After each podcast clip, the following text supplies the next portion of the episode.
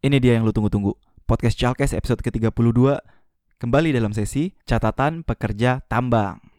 Gimana catatan hari-hari pertama si pekerja tambang ini di dunia tambang? Langsung aja lu simak, lu dengerin musik dulu yuk.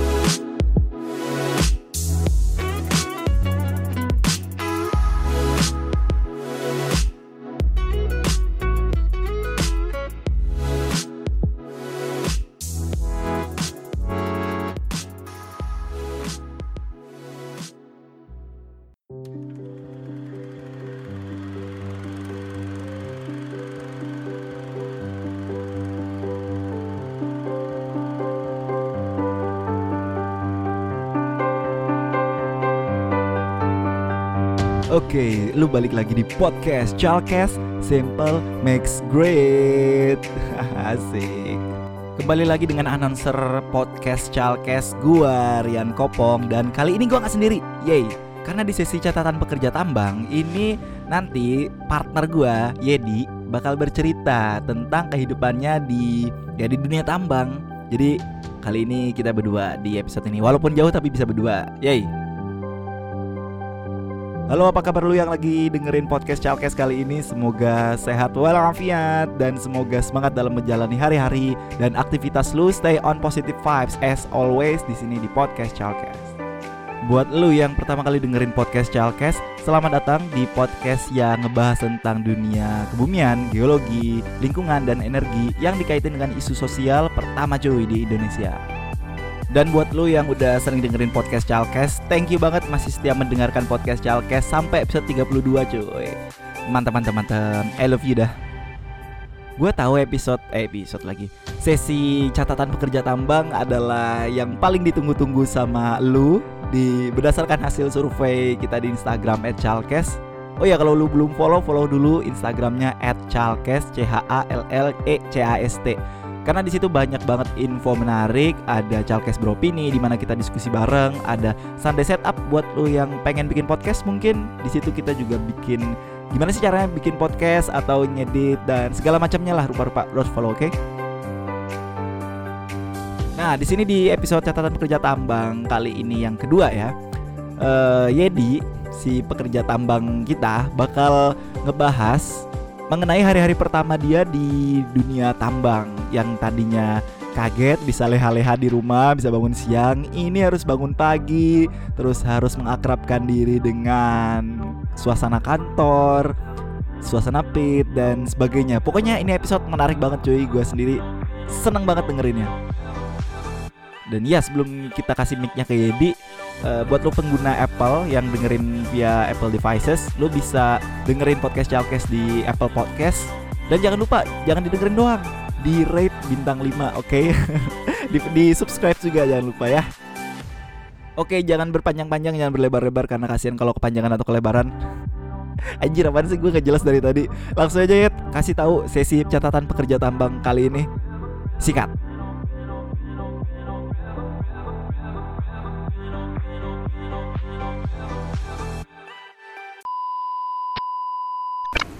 Halo, balik lagi nih akhirnya. Gue nge-podcast lagi, gue rekaman lagi, gue ngebacot lagi akhirnya. Ya. Uh, balik lagi bareng gue Yedi. Yedi loh. Eh, gue bingung dah, nama gue kan Yedi ya. Ini gue mau sedikit cerita Jadi nama gue Yedi dan gue sering banget kenalan sama orang. Iya siapa namanya? Yedi, mas, mbak. Oh, Dedi, anjing. Nama gue disangka Dedi. Dedi, Dedi orang Bantul apaan sih orang Bantul? Iya jadi gue sering banget orang tuh dengar Dedi kalau enggak jadi jadi toko Star Wars anjing kata gue nama gue Yedi. Ngapa jadi Dedi sama Jedi? Itu. Jadi Yedi itu adalah penggabungan nama emak bapak gue kagak penting sih. Cuman ya lu uh, bye bye lah kalau dengar kenalan nama gue nama gue Yedi. Dah ngapain jadi ngomongin nama gue dah? Nah baik lagi bareng gue dan pastinya kalau ada suara gua, pastinya bakal ada segmen yang namanya adalah catatan pekerja tambang anjay. Eh, lu harus lu harus udah pada dengerin catatan pekerja tambang yang pertama kemarin di bulan Februari tentang itu episode pertama pilot episodenya catatan pekerja tambang dan ini adalah yang kedua episode kedua nih. Jadi gue udah sekitaran tiga mingguan coy. Gue udah tiga mingguan ada di Kalimantan, tepatnya di Kalimantan Selatan, yang super duper panas banget. Dan alhamdulillah nih, alhamdulillah banget ya, gue udah rada iteman sekarang. Udah tanning gue, eksotis. Lebih ke dekil sih sebenarnya. eksotis ndasmu. Jadi gue udah tiga minggu Jadi uh, udah tiga mingguan Jadi gue rasa kayaknya udah bisa nih lah gue bikin sharing-sharing episode baru lagi di catatan pekerja tambang ya udah tiga mingguan. Jadi gue itu baru sampai di Kalsel sini di daerah Tanjung namanya itu sekitar tanggal 2 Maret. 2 Maret ya. Hari Sabtu gue inget banget tuh. Malam malam minggu coy gue nyampe sini. Anjir. Iya malam minggu habis itu gue mulai kerjanya Senin. Ah udahlah singkat cerita dua tiga minggu lah gue di sini. Dan tiga minggu ini gue di sini gue ngerasain apa ya um, kayak uh, pola hidup anjing pola hidup. Kayak hidup pola hidup uh, aktivitas yang sangat amat berbeda dari gua-gua sebelumnya gua-gua sebelum ini nih sebelum terjun ke sini. Banyak banget yang gue rasain perbedaan dan, dan dan yang gue rasakan dan gue harus menyesuaikan diri dengan cepat dengan pola hidup yang bisa dibilang bukan gua sebelum sebelumnya dah gitu dah pokoknya dah. Bingung anjir. Nah gimana ya um, di sini itu lebih tepatnya lu bekerja dan lu dituntut untuk disiplin. Jadi gue sebenarnya kaget. Jadi waktu gue hari pertama itu gue harus bangun sekitar jam setengah limaan dan oh iya jadi di daerah sini nih di Kalimantan Selatan itu perbedaannya sejam lebih cepat daripada yang ada di Jawa. Jadi kalau gue di sini jam 10 uh, orang-orang yang pada di Jawa tuh pada masih jam 9 jadi sejam lebih cepat lah. Jadi gue pertama itu gue bingung ya. Anjing gue harus bangun pagi itu jam setengah limaan. Yang berarti which is anjay yang berarti kalau di Jawa itu jam setengah empatan. Bangke gue masih ngorok kalau jam setengah empatan mah zaman dulu. Ini gue udah harus mandi. Eh harus bangun terus gue harus mandi terus gue harus siap-siap ke ke office ke pit. Anjay tai sobat. Iye anjing. Iye jadi gue harus bangun jam segitu terus udah langsung udah mandi siap-siap langsung sarapan masih gelap ya kan? Gokil gokil. Tapi untungnya cuy kalau lu bangun jam segitu demi Allah gue subuhan gak, pernah lewat. Tepat waktu begitu ajan tes gue subuhan langsung. Gila the best banget nggak tuh gue alim banget gue di sini. Parah. Karena emang timenya tepat banget. Tapi waktu gue sebelum di sini mah buset subuhan sering bolong mohon maaf. Astagfirullahaladzim. Iya. Yeah. begitu. Itu pagi-pagi coy. Anjing gue langsung cerita gini dah tai banget. Nggak ada prolog-prolognya gitu. Bridgingnya nggak halus banget mohon maaf kita lagi belajar nih cara bridging halus bagaimana. Ya udah deh maklumin aja ya. Abis itu langsung berangkat kan. Bangun pagi, mandi, sarapan Langsung berangkat, ciao. Jadi sekitar Gue tuh berangkat kerja itu sekitar Jam-jam setengah Jam jam 6 lah dari sini. Yang artinya Kalau di sono Jawa itu jam-jam 5 lah. Masih gelap. Dan di sini um, kalau lu itu di mes biasa kan kalau yang orang tambang itu tinggal di mes kan bareng-bareng rame-rame sama pekerja-pekerja yang lain. Seru coy rame banget asli. Udah kayak Jack. Rame. Jadi pagi-pagi sarapan tuh rame. Ada kantinnya gitu lu bareng-bareng tuh semuanya tuh sarapan. Habis itu lu naik bis ada jemputnya gitu ada jemputannya gitu dari mes lu naik bis sekitar setengah jam lah ya ke kantor ke daerah tambangnya.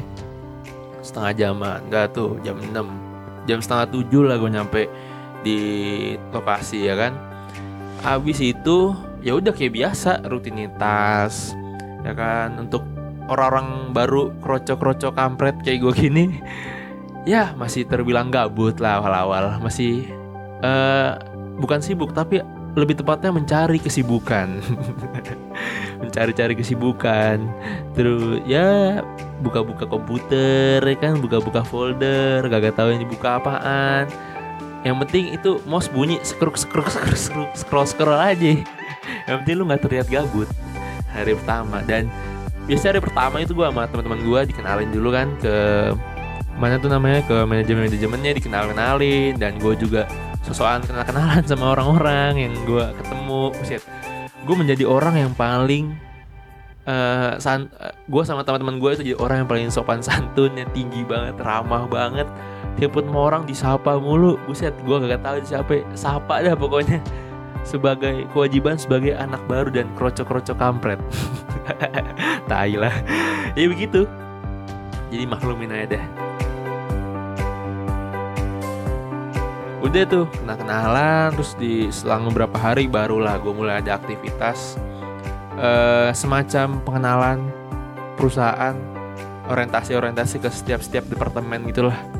Ya hari-hari gue tiga minggu gambarannya kayak gitulah sampai sekarang sampai sampai detik ini podcast ini direkam dan gue rekam podcast ini pas gue lagi off jadi gue lagi sans banget hari ini dah gila menikmati kasur yang sangat amat indah cok asli gila di sini kasur tuh ada hal yang paling gue idam-idamkan. Enak banget anjing. Asli. Ya udah. Jadi berangkat pagi baliknya itu sekitar jam-jam limaan lah. Mentok-mentok setengah enaman lah baru cabut. Nyampe udah kecapean kadang masih ini. Pokoknya jam-jam sepuluhan malam tuh atau jam 11 tuh udah pada tepar gue udah, udah ngorok gue asli dan gue di sini banyak banget apa ya uh, lu harus punya skill adaptasi yang tinggi menurut gue karena gue sebagai orang-orang baru di sini sama teman-teman gue gimana ya di sini itu dibilang cuek sih orang-orangnya enggak ya kak. Tapi dibilang mungkin mostly semua pekerja-pekerja di tambang mana pun pasti sangat-sangat sibuk buat ngejar produksinya setiap hari. Dan kalau lu nggak cepat beradaptasi ya lu cuman jadi remah-remah roti mari yang ada di pojok meja yang nggak kemakan. Jadi lu harus ya bisa dibilang bahasa kerennya mah proaktif anjay. Tai banget bahasa gue proaktif. Ya kena kenalan senyum senyum itulah intinya pintar-pintar adaptasi cok. Dan satu hal lagi yang lu harus tanamkan sebagai anak baru dan kerocok-kerocok kampret di perusahaan di perusahaan baru mau itu di mana pun lu harus punya attitude sih menurut gue attitude yang semestinya lah. Usah terlalu lebay usah terlalu tai usah terlalu uh, gitu banget. Tapi ya itu yang semestinya lah yang sewajar. Dan lu pasti ya lu pasti ngerti lah. Kalau nggak ngerti lu ya udah lu sana dah. Udah lu nggak ya, usah ini dah anjing. Apa sih? Gue nggak jelas jelas buat gue anjir. Udah gue bingung nih anjir. Bisa tektokan si kopong nih tai lah tuh orang. Kagak apa kagak Seraung Seraung kemari. Ya jauh banget anjing Seraung ke Kalimantan dari Jogja tai lah.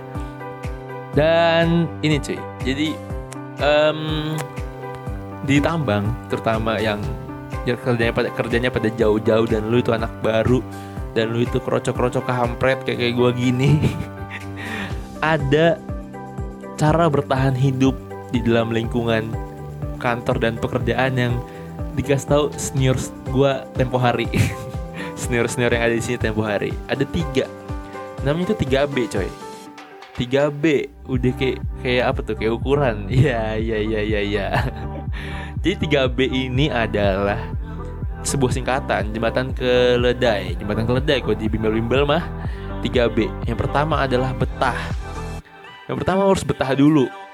Lu bet lu datang lu betah dulu dengan kehidupan yang sangat beda dari kehidupan lu pada umumnya kehidupan lo yang biasanya lo bisa bangun siang lo bisa suka-suka lo lo harus betah dulu intinya di sini lo harus nyaman harus betah dengan ketemu orang-orang yang baru dari orang-orang nggak tahu dari asal dari mana aja dengan makanan yang disediain dan lo harus makan itu dan dengan pola hidup yang harus bangun pagi balik malam uh, lo harus belajar dari awal lo harus uh, beradaptasi dengan orang-orang baru yang ah, menurut gue itu itu adalah kuncian yang cukup melelahkan menurut gue apaan sih kuncian yang cukup melelahkan? Itu menurut kegiatan yang menurut gue sangat melelahkan. Pertama harus betah dulu intinya. Itu. Yang kedua B yang kedua nih bertahan kalau lu udah betah lu harus bertahan dengan keadaan yang ada di sini. Dengan ritme kerja dan ritme kehidupan yang lu harus bertahan dulu nih. Ya lu udah betah dan lu harus bertahan. Kalau lu nggak bertahan ya lu balik dong nggak jadi gawe. Iya. Jadi lu harus bertahan dulu yang kedua. Dan B yang ketiga dan atau B yang terakhir coy itu lu harus banyak-banyak belajar. Belajar. Jadi bukan cuma belajar soal tentang apa yang harus lu kerjakan tapi juga belajar eh, gimana caranya lu berkomunikasi dengan orang-orang yang ada di sini dengan orang-orang yang udah lebih dulu di sini ibaratnya nama sepuh-sepuhnya senior-seniornya. Belajar belajar dari situ banyak banyak ngobrol sama mereka. Ya intinya belajar lah. Jadi itu tiga resep tiga B bertah uh, 3B untuk bertahan hidup di sini menurut senior-senior sama sepuh-sepuh yang ada di sini. Sekut coy. Buat lu semua yang dengerin dan lu lagi baru pertama ketambang ataupun udah dan uh, renungkan baik-baik karena ini bener juga sih menurut gua. bener juga nih 3B ini bener juga nih. Gokil coy. Nah, gimana coy? Menarik banget kan cerita-cerita si Yedi tadi. Tapi sebelum kita lanjut, dengerin dulu Insert Podcast dari para podcaster Indonesia ini yang mau lewat mau ngiklan di sini. Dengerin ya. Ntar kita balik lagi, oke? Okay? Sekut.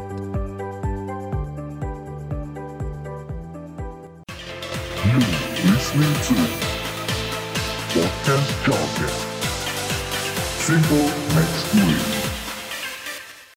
Suatu hari di toko obat. Ko, ko, mau beli obat ko? Haya, lu orang beli obat lek-lek ah? Lu mau beli obat apa? Kita dengkul sakit, pala cenut-cenut, hati galau. Ada obatnya nggak tuh kok? Haya, lu orang datang sama orang yang tepat ah? Oh ada segala macam obat. Lu orang tinggal dengerin soundcloud.com slash podcast pojokan. Lu orang dengerin tiga kali sehari. Sembuh tapi kok? Enggak. You listening to Podcast Jargon.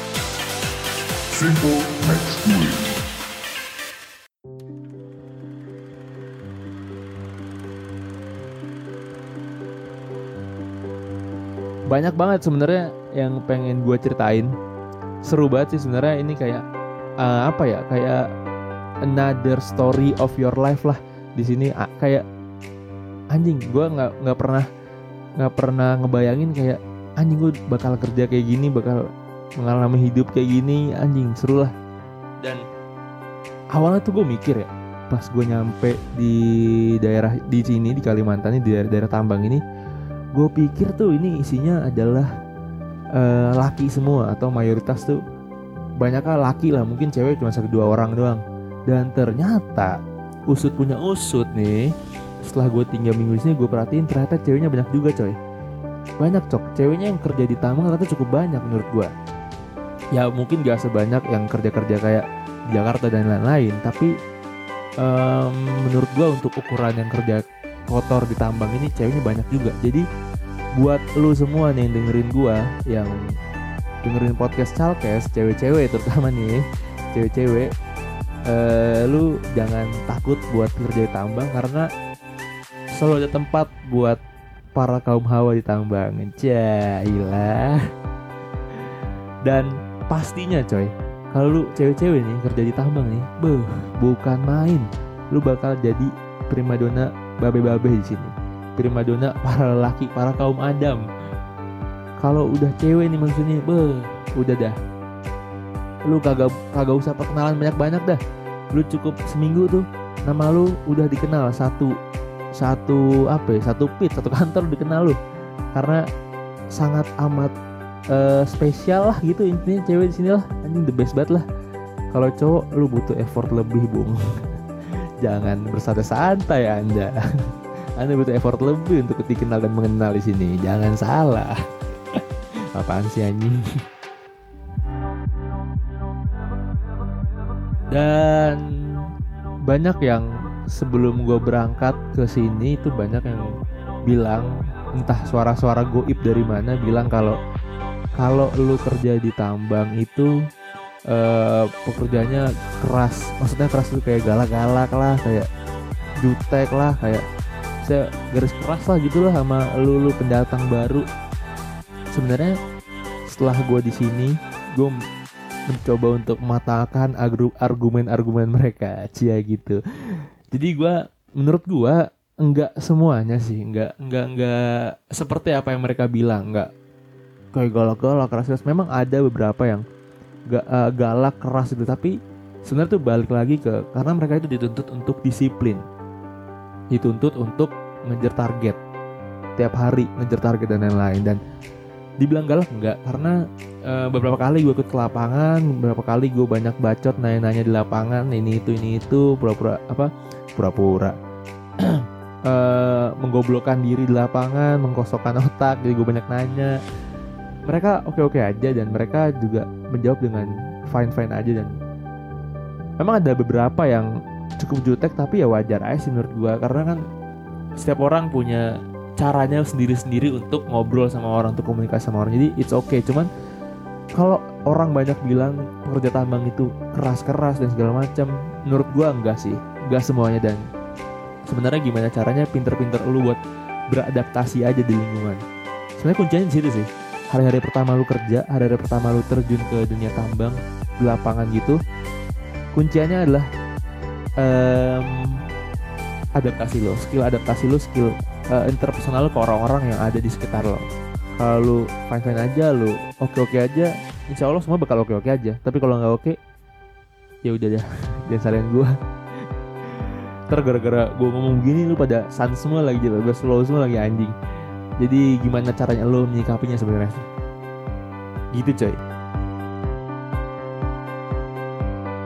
Jadi ya kalau bisa gue bilang gampang-gampang susah sih di sini. Ada gampangnya, ada susahnya. Gampangnya gampangnya tadi gue bilang kalau susahnya itu gue ya punyalah problem-problem yang sebetulnya eh, menjadi kendala-kendala gue di awal-awal ini contohnya kayak bangun pagi anjing itu susahnya setengah mampus ya. Parah susah banget anjing.